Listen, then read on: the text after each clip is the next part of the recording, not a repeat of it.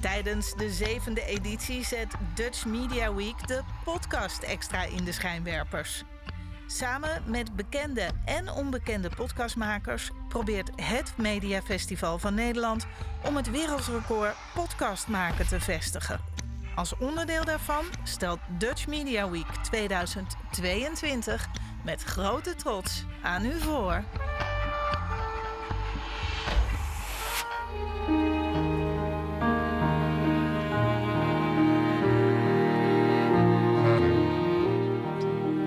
Ja, ja, ja, ja, jongens. Zondag 9 oktober. Mijn naam is Eppo van Ispen tot Zevenaar, de archivaris van dienst en de gewone functie algemeen directeur van het Nederlands Instituut voor Beeld en Geluid. En in deze recordpoging van 200 uur podcast heb ik bij mij de man, want dat kan ik u nu al verklappen, de man waarvan je bijna kan zeggen die alles kan. En hij heet Start eerst maar deze lieder.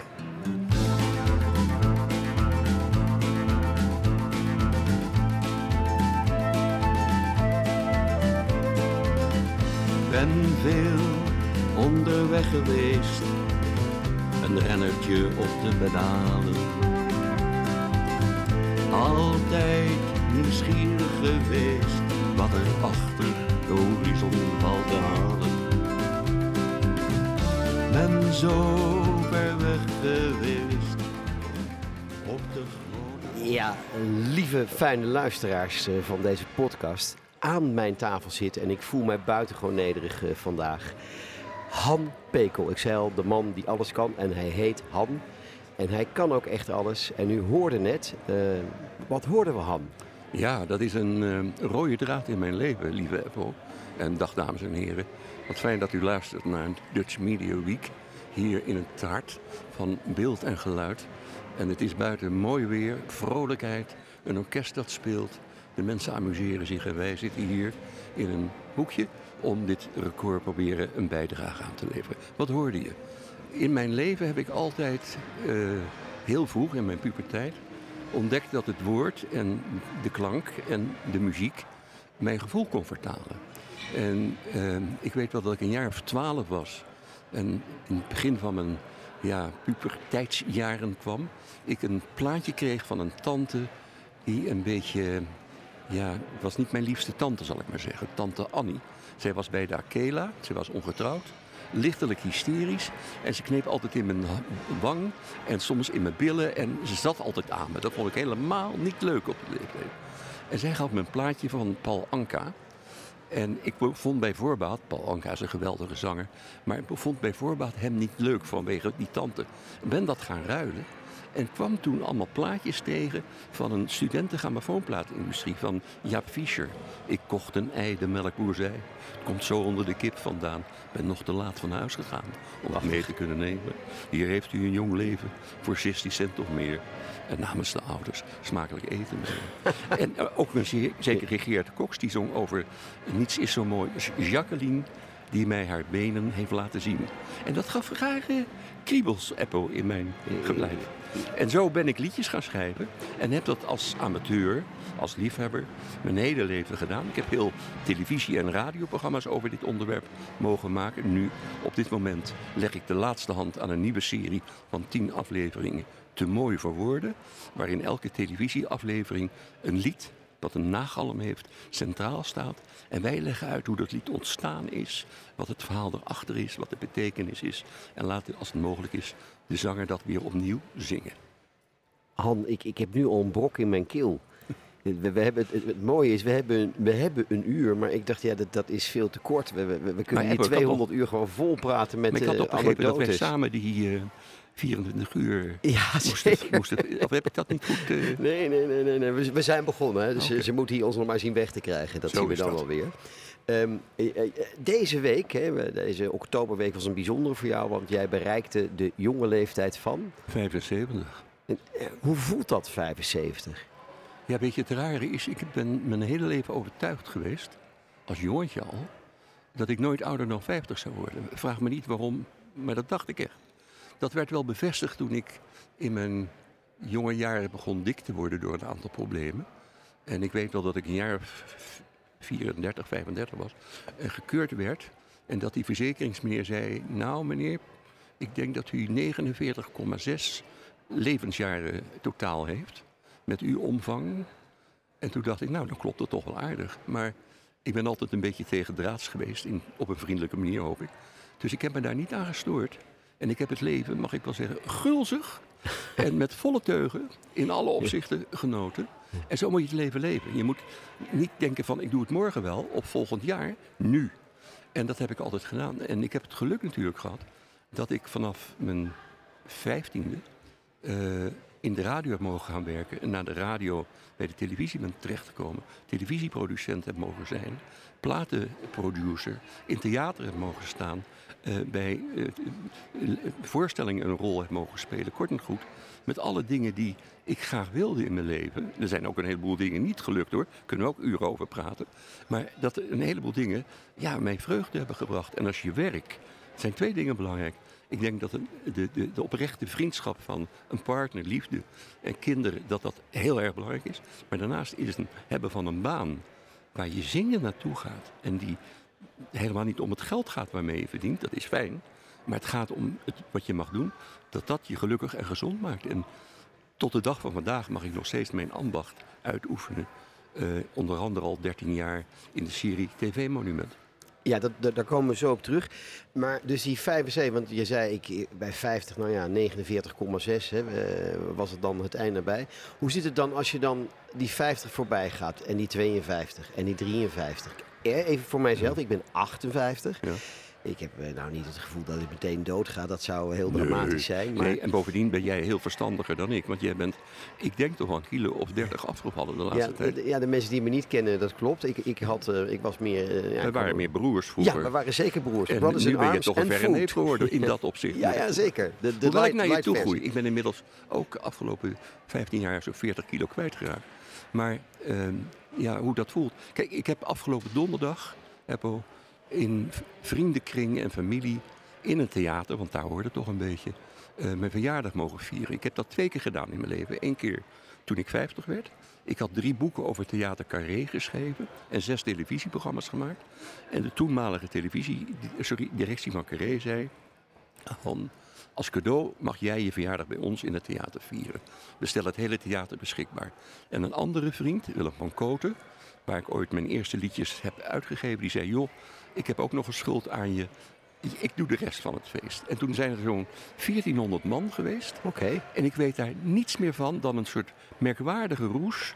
En dat ik die avond een opgezette hand had van het handen schudden. Ik dacht, dat gebeurt me niet in tweede keer. 1400 man. En er is een nieuw, heel erg lief, leuk theatertje sinds een paar maanden open in Blaricum. Dat leuke dorpje hier vlakbij. Ja, ja. En dat heeft ook een prachtige naam. Het heet gewoon Het Theater. En daar worden hele leuke kleine dingen gedaan. En ik mocht daar mijn verjaardag vieren. Maar ze zeiden, ja, dan moet je wel een voorstelling bedenken. En toen heb ik iets heel brutaals bedacht. Ik heb dus mijn hele leven liedjes geschreven, die vaak autobiografisch zijn. Of in ieder geval mijn gevoel vertolken. En toen heb ik gedacht, weet je wat, ik ga aan mijn vrienden vragen om daar iets mee te doen. En van Ad Visser tot aan Rick Velderhof, van Rousseau tot aan Pieter Bon, heeft iedereen dat gedaan. En ook mijn kleinkinderen hebben er iets mee gedaan. En dat was zo'n ongelooflijk leuke, uh, eerlijke, mooie, zuivere avond geworden. Door die voorstelling. En geen opsmuk, geen toespraken van hij was zo goed en hij was zo top. Geen gezeur, maar gewoon lekker. Warm, familie, vrienden. Alle mensen die betekenis in mijn leven hebben gehad, waren erbij. Er waren er een paar die op het laatste moment niet konden afkomen door goede oorzaken. Maar verreweg de meeste waren het toch allemaal. Het was voor mij alsof ik, ik heb het nog steeds een beetje, op een roze wolk uh, zit. Want ik heb toch het gevoel, door die warmte die je dan zo over je krijgt, dat je gezien bent. En dat, er, ja, dat, je, dat je voor andere mensen ook iets hebt mogen betekenen. En dat moet je vooral niet elke dag voelen. En dan moet je misschien maar één keer in de tien of één keer in de 75 jaar voelen. Maar op dit moment voel ik dat een beetje. Vandaar dat ik zweef op eigen gelegenheid. Ja, ja nou, kijk, nogmaals, dit is een luister. Hè? Eh, maar ik zie je zweven, dat is, eh, dat is echt zo. Um, hoe is het nou begonnen? Hè? Je hebt 75 jaar, dan heb je dus veel meegemaakt. Uh, nou, de, die liefde voor die liedjes, die, die, die ontstaan ergens. Uh, je hebt uiteindelijk ben je natuurlijk echt een paar hele prachtige uh, programma's gaan maken en nog steeds. Ehm, maar waar ontstaat dat nou? Waar, waar, groeit dat, zeg maar, dat zaadje om dat te willen doen, die combinatie? Wat je nu zegt, ik heb bij 75 dan maak ik zelf een beetje het programma. Dat is natuurlijk ook wel grappig eigenlijk. Dus het was een verrassing, maar toch ook weer niet. Nee, dat is voornamelijk een verrassing. Ik wist niet wat iedereen ging uitvoeren. Oké, dus, je had de line-up. Maar... was een verrassing. Oh, Oké, nou, maar, maar, dan hoe dan ook, het, het maakt niet uit. Hè. Je hebt in Nederland in die zin heel veel gebracht. Maar hoe ontstaat dat? Wanneer wordt zeg maar, het jongetje Pekel heeft het idee van dat ga ik laten worden. Even om het even heel snel kort te maken. Ik wilde graag piloot worden. Nou, ik ben het niet geworden. Ik ben archivaris. Begrijp ik. Maar dat is een, een uitermate belangrijke functie. Maar daar kom ik zo meteen op terug. Je vroeg het aan mij, hoe ontstaat iets? Ik vond het al heel fascinerend. Mijn vader was uitvinder en een van de eerste in Nederland die grammofoonplaten kon maken. Dus als jongetje van een jaar of zes, zeven kon ik al mijn bedovergrootvader horen vertellen die in 1931 was opgenomen op een grammofoonplaat, één stuk. Klankstudio Pekel was dat in Rotterdam. En die vertelde dat de Fransen in Nederland waren, dat zijn moeder dat nog kon herinneren. Dat was natuurlijk zo'n fantastische tijdoverspanning. Er kwam een fascinatie voor dingen die opgenomen werden. Toen ik een jaar of zeven was, gaf mijn vader mij de pionierbouwdoos 1 en 2. En dan kon je op de achterkant van een oude sigarendoos van je grootvader een kristalontvanger bouwen. Eppo, de radio in de jaren 50 was, de televisie was nog voor de Happy Few. Wij hadden dit wel, maar die zonden nog maar één of twee dagen in de week uit. Die radio was er altijd. En als je dan in een niet verwarmd kamertje op zolder ligt, centrale verwarming, wat is dat? Onder dekentjes, het waren de schrale jaren 50. Dus generaties pekels hadden al hun billen gesleten op die dekens. Beetje rillerig in het duister licht te luisteren naar Paul Vlaanderen. Ida, Paul. En dan dat snerpende grindpad hoort. Als je uh, de Bonte Dinsdagavondtrein hoorde met Lubendi. Of je hoorde, morgen gebeurt het. Zes raketten onderweg naar Mars. En je komt eraan en je hoort dat het daar een wind waait en die vreemde tonen die er horen. Ze hebben mij een jaar of veertien geleden in België, in een erg leuk televisieprogramma, aan een leugendetector gelegd en gezegd: Bent u op Mars geweest? Nou, dat ding gaf aan dat, dat de impact van het jongetje, die op zijn achtste, zevende morgen gebeurd het hoorde, zo groot was dat het voor mij een ware gebeurtenis was. toen dacht ik: als je nou ooit portier mag zijn bij de radio. Of uh, de auto mag parkeren voor uh, een van die grote namen die er toen waren. Dus voor mij was de keuze heel vroeg gemaakt. En ondanks dat mijn vader heel graag wilde dat ik in zijn bedrijf wilde gaan ging werken, was voor mij dat een uitgemaakte zaak. En het was ook vrij logisch, denk ik, achteraf, dat ik op mijn vijftiende al mijn eigen radioprogramma had. Uh, bij de Piraat Veronica. Ja. Met de titel Wie in Nederland wil zingen over dat Nederlandse luisterlied. Ja, dat is toch mooi. 15 jaar, hè? en zeker in die tijd. Want, want hoe kwam je daar dan? Hè? Als klein jongetje van 15, of eigenlijk grote jongen, want als je 15 bent, dan kan je de hele wereld aan. Brutali brutaliteit. Maar, maar vertel, wat is die brutaliteit? Hoe deed je dat dan? Nou, want, heel simpel. ja? Ik uh, heb last, uh, of had erg last, nog wel een beetje, van dyslexie. En ik had het geluk van een fantastische onderwijzeres. Sorry. Uh, die mij nadat ik voor het bord in de eerste klas van de middelbare school had gestaan. En op dat bord wat moest opschrijven in het Nederlands. En met mijn woordblindheid, want het woord dyslexie bestond nog niet. Uh, maak ik daar iets geks van. En mijn 13-jarige mede-klasgenoten uh, lachten homerisch daarop. Toen zei zij, en ik werd er echt door geraakt, dus blijf me even na. En die zei tegen mij, Han, ik zal zorgen dat je op onze Montessori Lyceum nooit meer voor het bord hoeft te staan. Jij moet het met het woord doen. Dat kan je goed al en dat ga je verder ontwikkelen. En ga ook maar stukjes schrijven voor de schoolkrant. Dat vind je vast leuk. En schrijf maar gedichten, ik corrigeer ze wel. Dus ik schreef toen al interviews met Gerard Cox, Hans van Deventer, Jules de Korte. En die hadden allemaal één klacht. Hun platen werden nooit gedraaid. Dus toen ik 15 was en ik een zittenblijver had in mijn klas... Die had al een poeg, weet je wel, met zijn ja, hoogstuur. Ja, met zijn hoogstuur. Toen zei ik tegen hem, ik wil naar Hilversum. Want ik wil gaan daar vertellen, verkondigen, dat ze meer aandacht aan Nederlandse luisteraars moeten gaan besteden. En ik heb die jongen toen omgekocht, die zou daarmee er naartoe rijden. Ik betaalde de benzine, dat was 40 cent geloof ik. En ik zou hem een zak patat geven, dat was 25 cent. En ik zou een biertje voor hem kopen. Nou, dat was 20 cent of zo. Nou, dat was mijn investering. We zijn daar naartoe gereden, maar ik had natuurlijk geen plan. Dus waar te zijn, we waren in het hart van Hilversum. En toen dacht ik, Veronica, dat was toen net drie jaar bezig. En die zaten op de zeedijk Nou, ik kijk naar de zee en naar een dijk. Ik vond niks. Maar een heel Agenebbi straatje hier in Hilversum tussen de V&D en een ander. Dat heette dan Zeedijk. In een wat oudere villa zat daar Radio Veronica. En je moet geluk hebben in je leven. Ik kwam daar binnen op de dag dat de heer Bulverwij, eigenaar van dat radiostation, uh, had besloten om in plaats van 14 uur per dag 24 uur per dag uit te gaan zenden. En ik kwam binnen met van jullie moeten iets doen over. En die programmaleider die zei, nou dat vind ik een leuk idee. En die zei voor het eerst, wat ik nog nooit had gehoord, je hebt een mooie stem. Oh, nou, geen idee, zei ik. Hij zegt, waarom doe je het zelf niet? En toen dacht ik, nou, graag. En een half uur later stond ik bij meneer Verwij. En die zei, wat moet je verdienen, jongen? Nou, mijn vader had net op het Montessori Lyceum mijn zakgeld, wekelijks zakgeld, van 50 cent naar, naar 75 cent gebracht. Omdat de thee van 3 cent naar 5 cent was gegaan. Dus ik deed, nou, 75.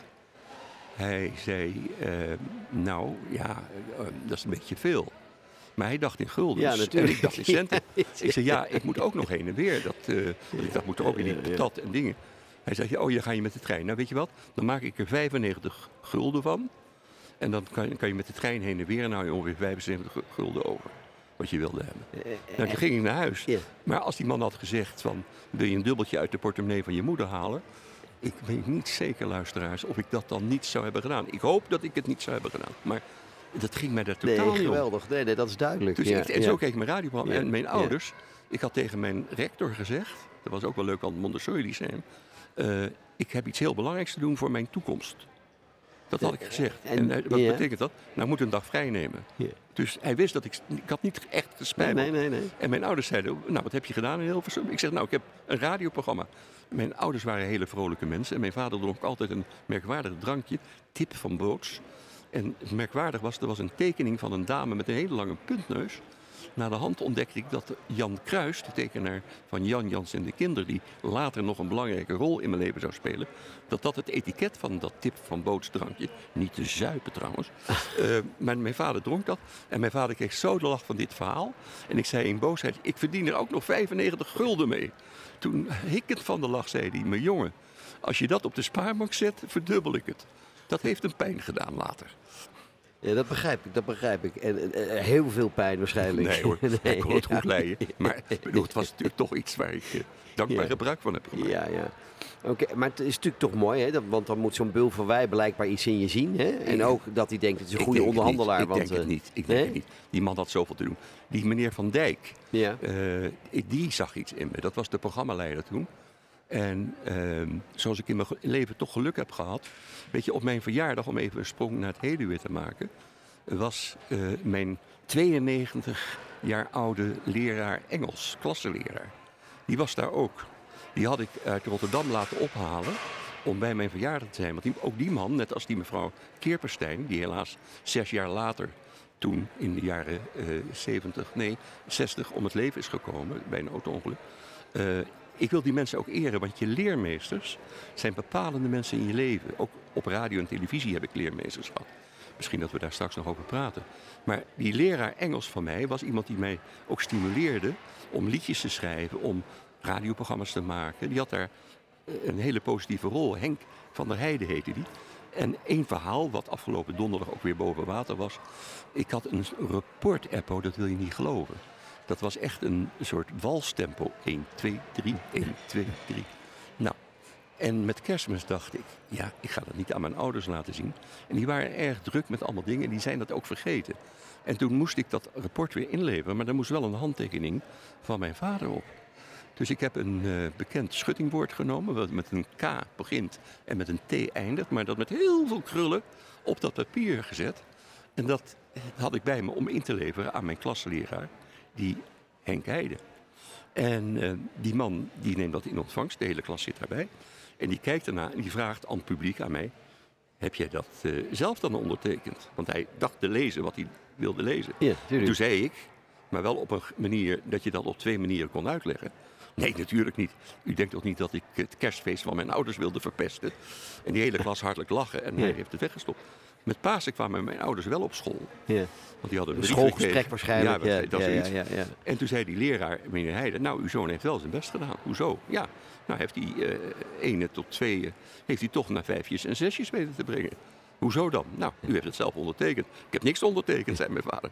Toen zei hij, en dat is natuurlijk een goede leraar, meneer Pekel, eh, uw zoon heeft aan publiek eerlijk gezegd dat hij uw kerstfeest niet wilde verpesten. En dat hij daarom u, om u te ontzien zijn handtekening er zelf heeft ondergezet. Dus mijn vader kwam gerommen thuis. Ja, ja. Heeft twee dagen niet met mij willen spreken, denk ik, achteraf. En eh, is niet boos geweest meer, want dat kon niet, niet zijn. Nou, dat is natuurlijk vreselijk leuk Ja, als zo'n man daar zit. Om dat verhaal dan weer... Nee, natuurlijk. En, en, en, maar het zegt ook wel echt iets over jezelf. Hè? Ja. Eh, je, die, die leermeesters eh, waar je het over hebt, die zijn inderdaad heel belangrijk. Leermeesteressen ook wel. Hè? Ehm, Zeker. eh, maar het zegt ook echt iets over wat ik altijd in jouw ogen zie. Hè? En nogmaals, de luisteraars kunnen het zien. Maar dat, en wij hebben elkaar vaker gezien en gesproken. Daar zit altijd iets ondeugends in. En ik denk dat dat een hele eh, eigenschap is die je hebt. Een ondeugende eigenschap. Zeker. Het- je moet voor, ook al niet- het, voor het goede zeg ik dan altijd maar. Ja, maar kijk, je moet, je, je moet kattenkwaad uithalen zonder anderen te beschadigen. Ik heb een bloedhekel aan pesten. Heb ik ook nooit aan meegedaan. Maar goede grappen maken. En ik heb een zusje, Mireille. En wij nemen elkaar constant in de maling. We zijn beide weduw, weduwnaar en weduwe. Onze partners verloren. Maar we kunnen samen enorm lachen over alles. Ook wat ons soms verdriet doet. Door juist die zelfspot te hebben. Lachen om jezelf is een medicijn. Ja, dat is natuurlijk ook zo. Ehm, die leermeesters. Hè, Oké, je komt daar dus als 15-jarige knuppel. Ja. eh, heb je in één keer het levenslied, zeg maar, eh, gooi je de eter in. Ja. Ehm, eh, dan ben je dus, hè, nu, we zijn nu eh, dan dus 60 jaar verder. Bijna volgend jaar, Eppo. Ja. Op eh, 15 eh, september, dan is het precies 60 jaar geleden dat ik eh, in het vak stapte, professioneel, dat ik er geld mee verdien. Ik vind dat een meetmoment. Ja, zeker. En in 6 oktober van datzelfde jaar is het precies 40 jaar geleden dat het ongetwijfeld het meest bekende programma wat ik heb gemaakt in al die jaren. Ik heb er meer dan 4.500 gemaakt in mijn leven. Zo'n 85 verschillende televisieformats. Maar wordt vervolgd is dan precies 40 jaar geleden dat dat begonnen is. En ik denk dat de meeste mensen nog steeds, zeker de mensen tussen de 35 en de 55, dat met zich meedragen. Dat weten ze meestal zich nog wel te herinneren. Ja, dat is zeker zo. En ik, we hebben er ook naar het tuentje van eh woord vervolgd. Het is ja, dat hebben we gewoon zomaar in ons eh, systeem zitten. Maar als ik even te kijken of dat voor staat, dan moet ik altijd even naar de technicus kijken. Dat weten mensen niet, maar het is altijd soms leuk. Ergens achter een glas. En die doet zijn duim omhoog.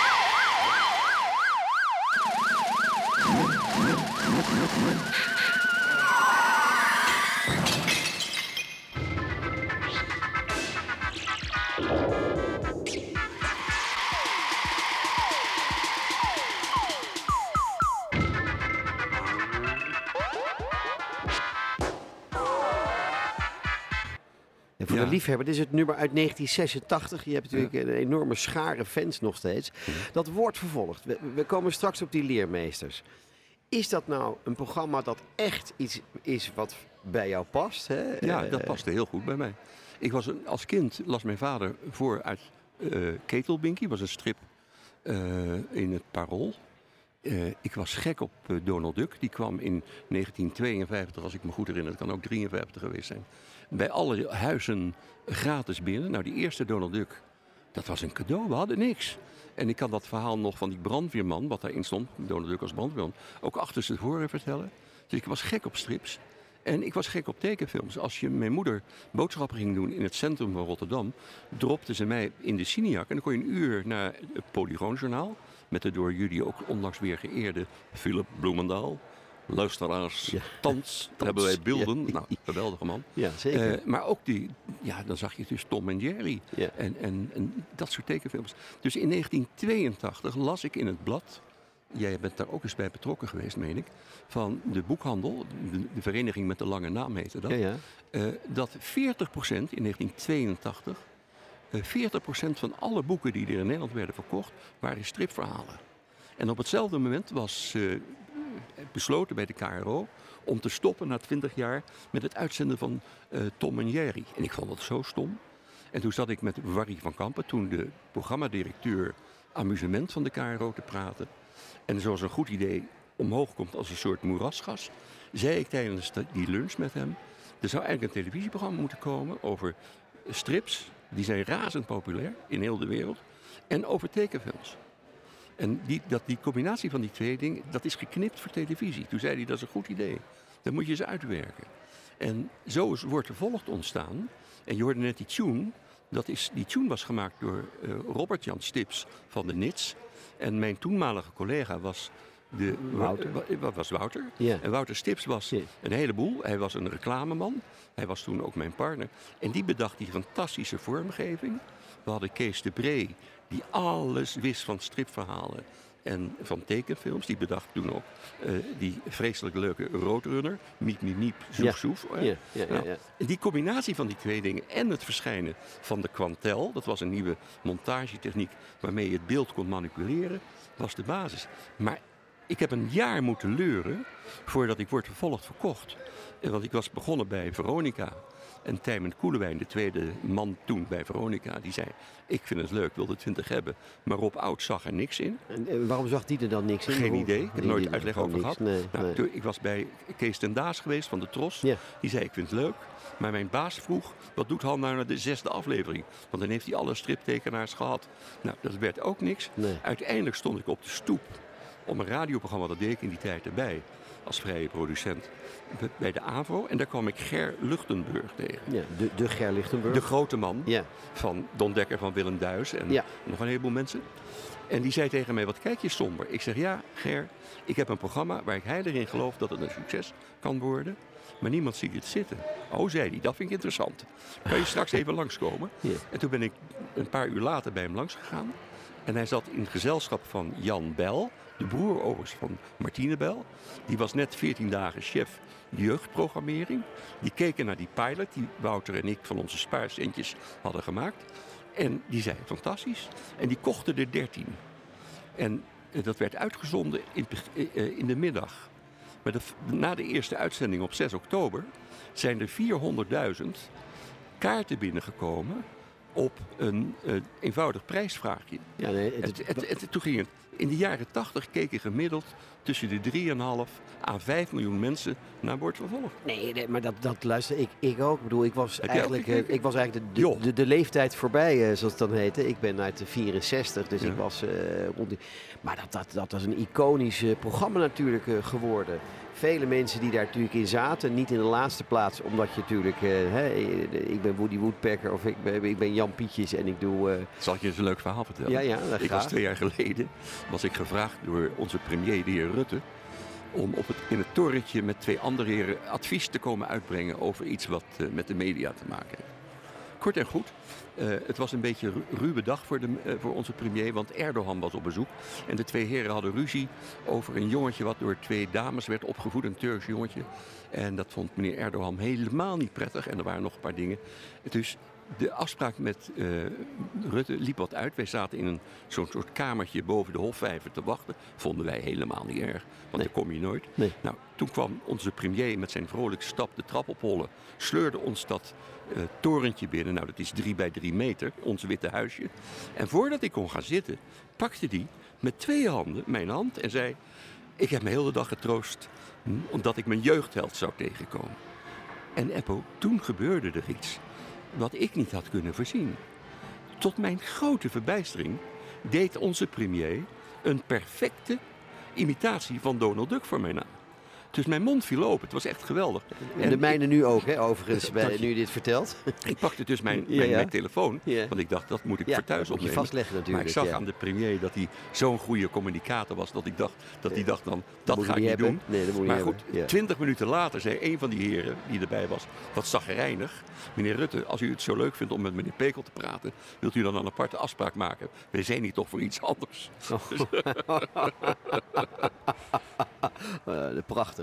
We hebben hoe dat ging. Het is toch wel leuk weer om te, even te horen. Ja. Eh, waarbij de mensen zeg maar eh, de imitaties doen. Dat hebben we een klein stukje, een soort van kleine compilatie. Dit is uit de uitzending van 23 november 1986. En ik zie aan jouw gezicht dat je die uitzending nog heel goed weet te herinneren. Zeker, zeker. Ik ben Annelies Ansen en, en ik ben zes jaar en ik doe Rudy Woodpecker naar. Eh, eh, ben Bart Velmans en ik ben zeven jaar en ik doe Donald Duck na.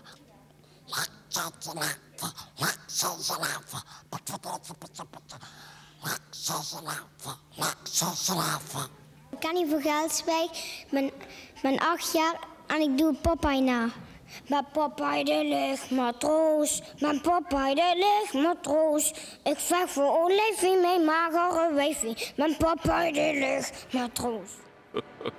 Het is toch prachtig? Volgens mij was in Limburg deze. Want hoe zat het eigenlijk? Ging je nou eh, je ging je het, het land door? Was er ook een soort dat was van... geen idee van mij. Dat was van Jan Bijl. Die zei, jullie moeten er een jeugdclub van maken. En ik dacht, wat moeten we daar nou in godsnaam mee? Dus een beetje tegen mijn zin in, als ik eerlijk ben, zijn we daarmee begonnen. Maar voordat we het wisten, eh, hadden we 140.000 betalende leden. En voordat ik het wist, en ik dacht toen dat het normaal was, ik heb pas naar de hand begrepen hoe bijzonder dat eigenlijk was. Dan zeiden we in begin september, dit zijn de 30 eh, optredens in het land, van Assen tot aan Amsterdam, van Amsterdam naar Maastricht.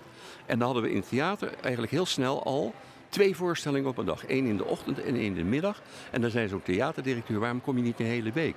Want ik heb genoeg druk op de kassa om een hele week te verkopen.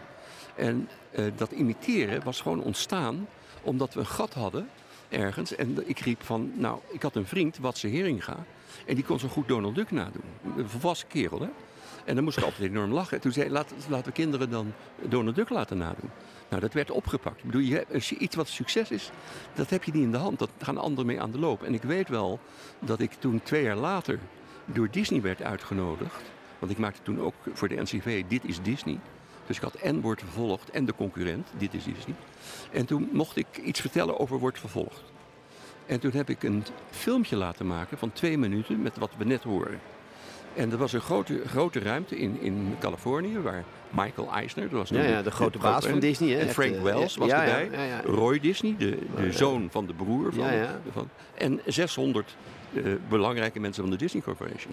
En ik was de, de tweede of de derde spreker. En ik zei, ik ga niet zoveel zeggen, ik ga jullie wat laten zien. En heb toen dat filmpje van twee minuten gestart. Eppo, nog nooit in mijn leven heb ik een zaal met 600 man zo horen lachen om die imitaties. Ja. En eh, na mij kwam Roy Disney, dus de, de, de, de zoon van de broer van Walt Disney. En die begon dus ook, I'm Roy Disney, I'm 69. En hij Ja, deed dus Donald Duck na. ja, ja, en toen ja, zei Frank. Wells tegen mij, eh, Han, dit is zo'n geweldig idee. Dit zullen wij respecteren, dat zullen wij nooit uit je handen slaan of uit je handen nemen. Want het was natuurlijk met, je weet Ja, het is met de rechten en, Exact, eh, en ja, dingen. Dus eh, het, het, was, het was achteraf, maar dat was niet bewust, ook wel verstandig om ze dat te laten zien. En omdat ze er zo hartelijk om hebben moeten lachen, dan zijn de Amerikanen toch wel groots in. Dus zeggen ze, oké, dat hadden wij niet bedacht zelf, dat is van jou. Ja, en, en ik denk ook vanuit, overigens uit marketingoogpunt was het natuurlijk, hè, als het, als het zo'n onderdeel is, mensen het zo kleine, ja, kleine en ook grote kinderen, bedoel, eh, eh, het stoer vinden en het mooi vinden dat ze die, de, die stemmen kunnen nadoen. Ja, dat is natuurlijk een Ja, maar het is ook zo leuk, weet je. Als je iets mag doen in je leven. Kijk, televisie is een vluchtig medium, weten wij. Ik bedoel, je bent op televisie en de volgende dag hebben ze het er misschien over, het vergeten. Ja, zeker. Maar een programma wat je kijkt tussen je zesde, zevende levensjaar en je veertiende levensjaar, blijft de rest van je leven op je schouder zitten. En dat maakt het feit dat je als je presentator bent geweest van een kinderprogramma, een familieprogramma, dat je dan veel langer bij de mensen generaties lang bekend blijft. En een van de leuke dingen op mijn 75 is, waar ook ter wereld ik ergens zit, in een café of in een restaurant, of bij mijn buurman, het bekende café in Blarikum, Moeke Spijkstra, dan komt er altijd wel op een gegeven moment een mooie dame van 45 jaar, met een mooie blik in haar ogen, met vertedering naar mij kijkend.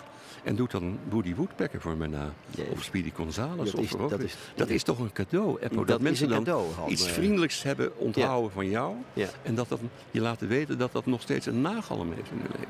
Dat is een groot geschenk.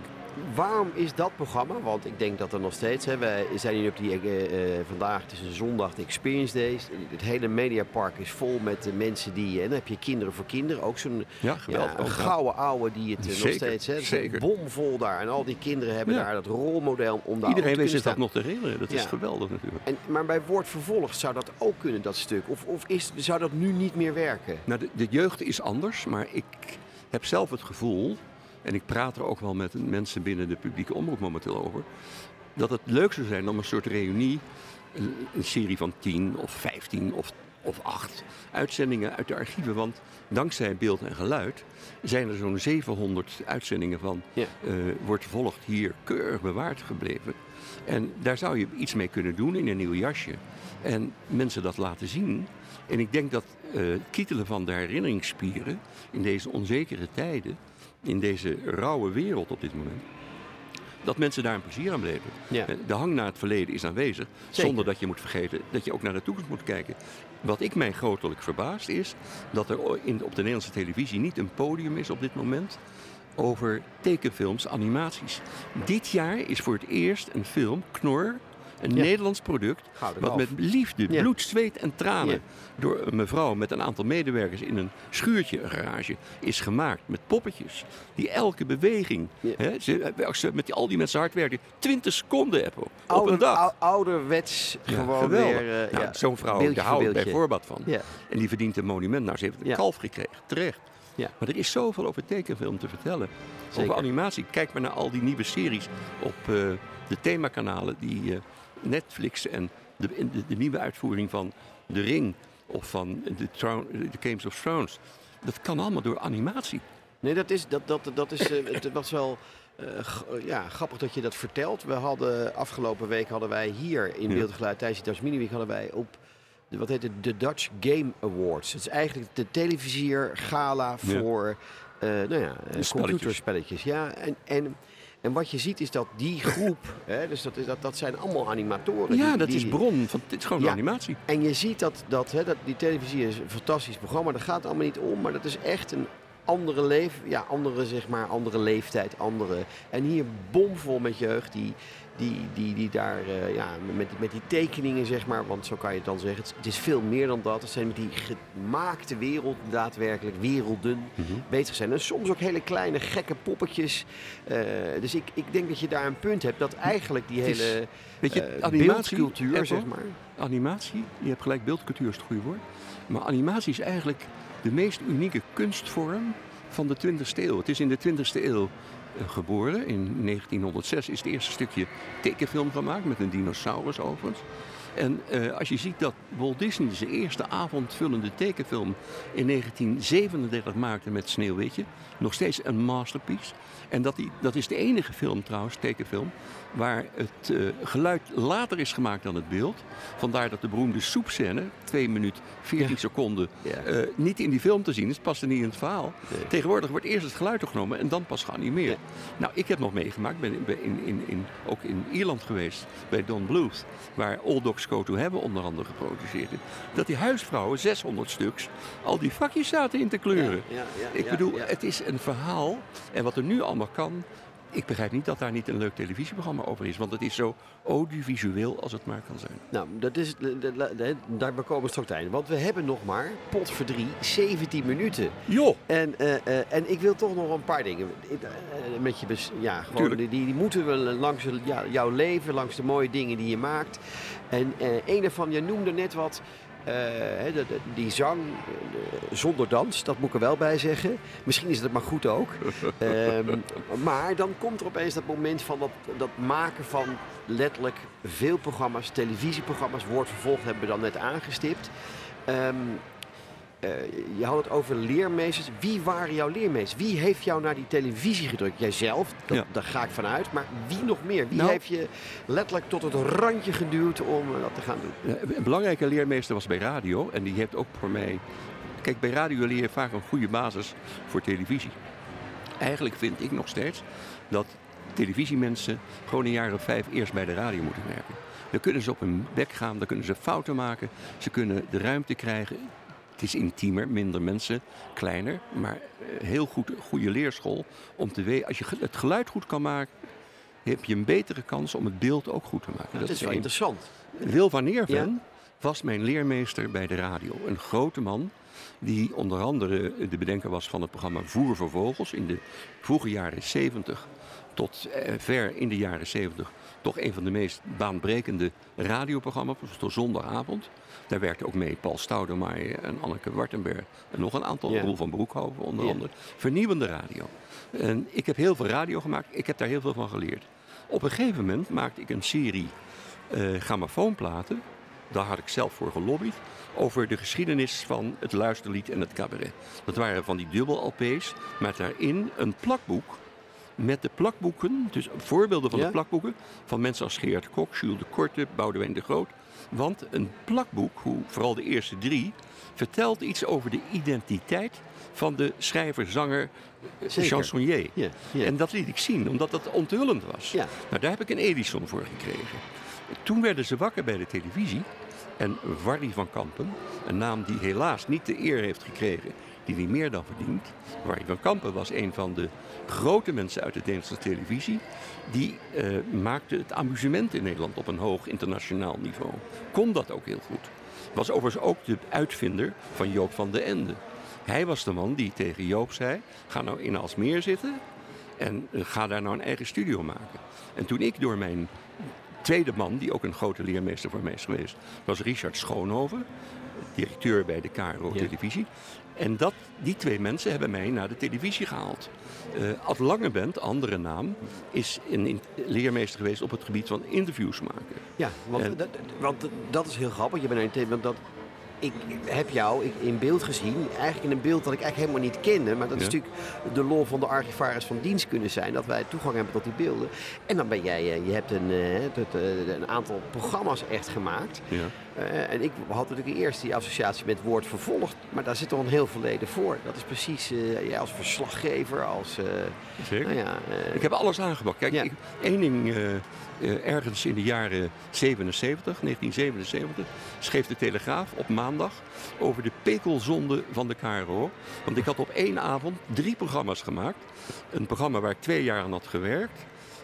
samen met Fred Rombouts, de regisseur, die in Nederland wil zingen. Dat was een twee uur durend programma over het Nederlandse cabaret en luisterlied. Overigens het enige uitstapje naar een andere zender die eh, Van Koten en de Bie ooit hebben gemaakt, maar dat even terzijde. Dan had je het programma Heel de Mens. Dat was een talkshow bedacht door Anne Langebent. Het ging over een bol katholiek gegeven. Iemand was door een diep dal gegaan en was eruit gekomen. Vooral dat stuk om eruit te komen stond centraal in dat programma. En dan kwam daarna een programma, ook weer passend. Dat heet Zinger de Wijs.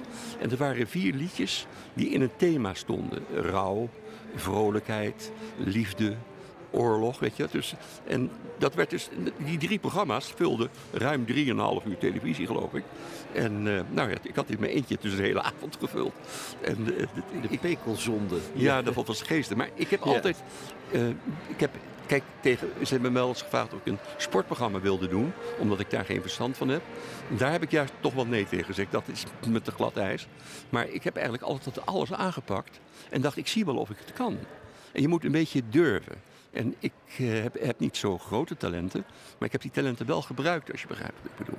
En dan moet je een beetje durven hebben. Misschien mag je ook zeggen, als je het wat onaardiger wil zeggen, eh, schaamteloosheid. Ik, eh, ik, ik ben altijd schaamteloos geweest in het gewoon maar nou, proberen. het Maar is- ook uit de hongerigheid ja, en ook uit de nieuwsgierigheid van wat zou je daarmee kunnen doen. En ik heb altijd wel mijn stinkende best gedaan, dat moet ik wel toegeven, om het zo goed mogelijk te doen. Want eigenlijk is het nog steeds zo.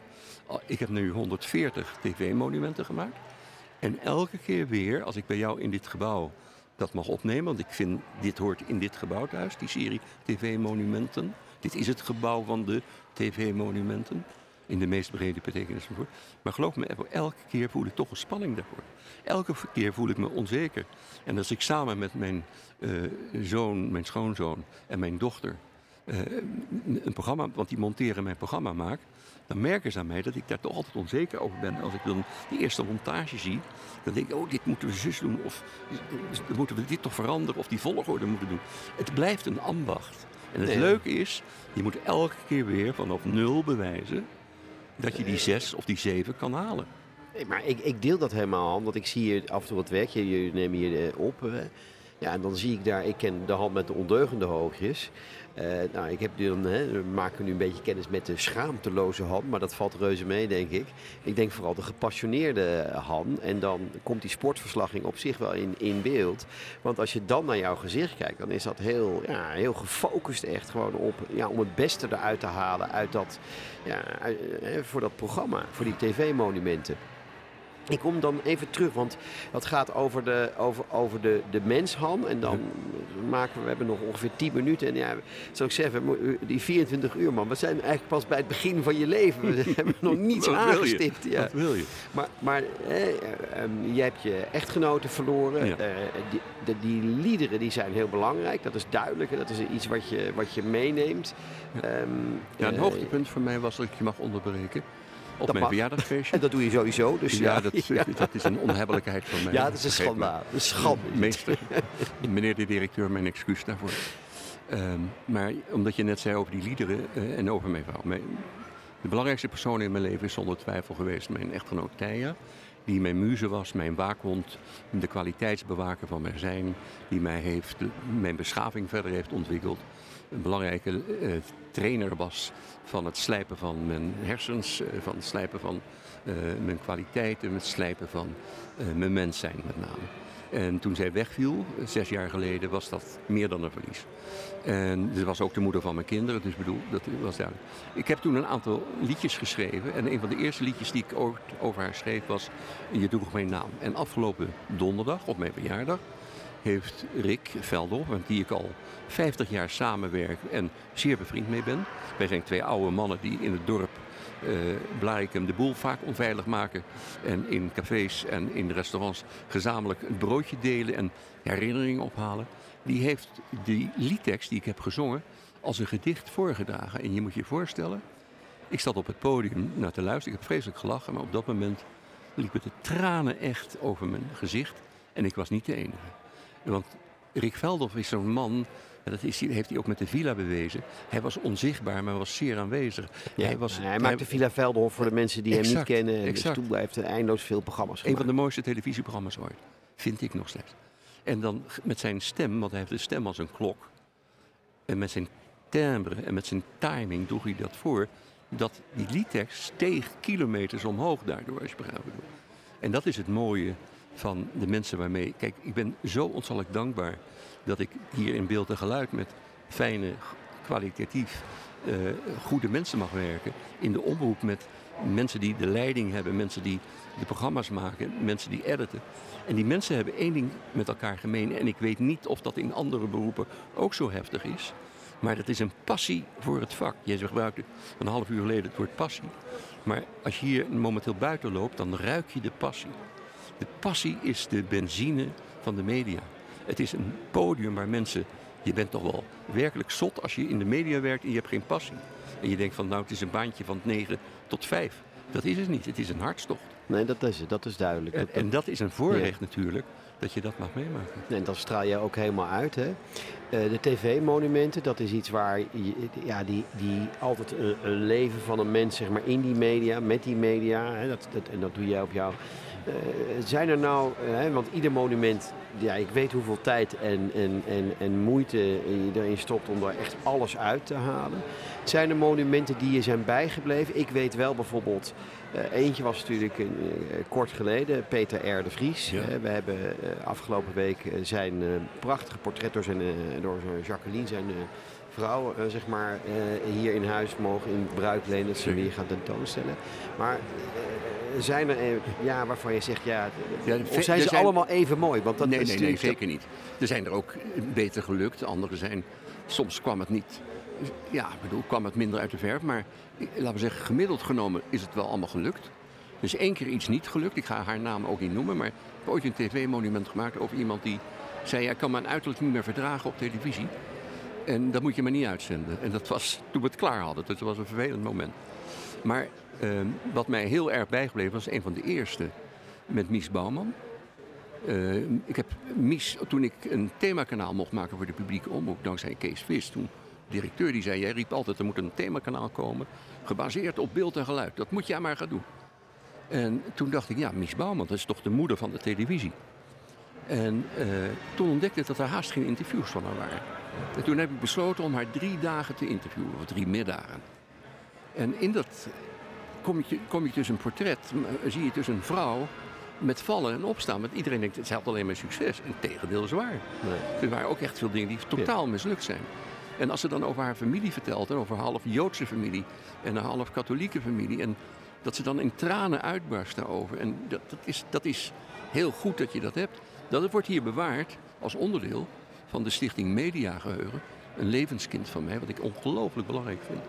Dat is een, stichting, EPO, die nu zo'n 300, 400 interviews bij elkaar heeft gebracht. Die worden hier bewaard en die zijn bestemd voor nieuw wetenschappelijk onderzoek. En dan kom ik terug op je vraag van tv-monumenten. Ook een van de eerste was met Jos Brink. En dat was, was een hele merkwaardige gebeurtenis, want Jos heeft mij dingen verteld die ik nooit mocht publiceren. Uh, hij heeft mij verteld hoe hij uh, meemaakte met een jongetje die alles wist van sterrenstelsels. En zo blij was dat hij de volgende dag niet goed oplette. En door een vrachtwagen werd vergrepen en verongelukte. Maar dat hij met dat jongetje vals had gespeeld om hem in de pauze de foto's te laten zien zodat die jongen een betere kans had om te winnen. Hmm. En, en dat soort verhalen zijn de achtergronden van ons prachtige beroep media. En waarom is die televisie belangrijk? Niet omdat het televisie is, maar omdat het een tijdmachine is.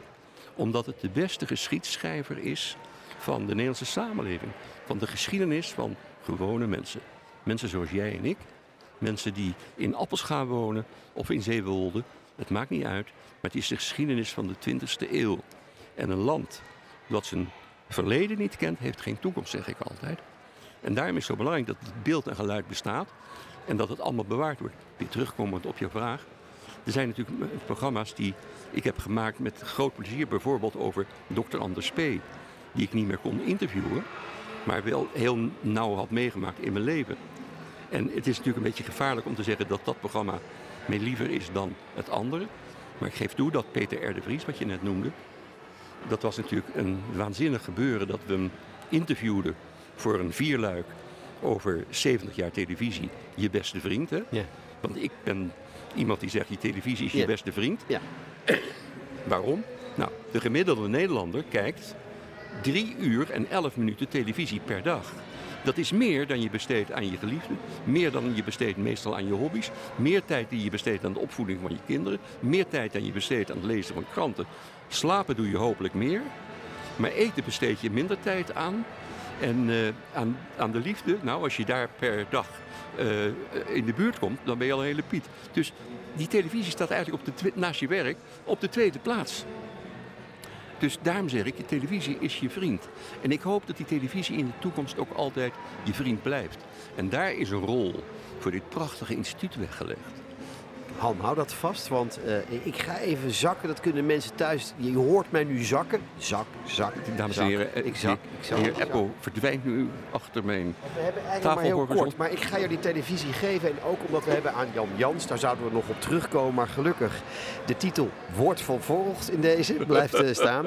En ik wil je namens het instituut hier in dit, uh, ja, dit, dit moment. En ik, ja, ongelooflijk veel dank dat we je een uur mochten bevragen. Maar zoals we al hadden geconstateerd toen we nog geen seconde begonnen waren. Het is veel te kort, zo is het ook. Dus wil ik je uh, bedanken zoals de archivaris van dienst dat kan en mag doen. En het liefst ga ik nu op een stoel staan, maar dan ziet het er voorkomen belachelijk uit en ik zal een klap maken. Maar ik onthul het hier voor je. Ik heb nu een blauwe... Uh, blauwe voor je 75 jaar, maar ook voor alles waar je Ach, mee dames en heren, moet u... Een, oh, een, uit onze collectie een prachtig klein tv'tje. Jeetje met mijne. een kleine plaquette, een kleine mooie plaquette. Wat, wat een cadeau. Uh, die we het aan is jou, een televisie uit de jaren nou, 60 denk ik. Ja. En daar staat op voor de 15-jarige man ja. met de eeuwige jeugd, die het audiovisueel erfgoed van Nederland veel gebracht heeft en levend houdt. Met intense dank wordt vervolgd, gelukkig maar, Nederlands Instituut voor Beeld en Geluid, 9 oktober 2022, Anno Domino. Eppo, ik ga je niet kussen, maar in gedachten kus ik jou en het instituut. En ik hoop zo dat dit instituut, zoals jij dat zo vaak ook vrij brutaal zegt, het is voor de eeuwigheid. En dat het voor eeuwig de tijdmachine mag zijn waar wij Nederlanders ons eigen verleden kunnen terugvinden. Waar wij Nederlanders het plezier in het leven ook altijd weer kunnen herontdekken. Want televisie is vooral ook plezier, is slijpsteen van de geest. Het mag nooit kauwgom voor de ogen zijn. Het moet een vriend zijn die je zacht omarmt en je wijst naar de goede weg. Han, ik begon met een brok in mijn keel en ik eindig met mijn brok keel. Ik dank iedereen die heeft geluisterd en wordt vervolgd. Je luistert naar de recordpoging podcast maken van Dutch Media Week 2022. Binnen enkele ogenblikken staat de volgende podcast voor je klaar.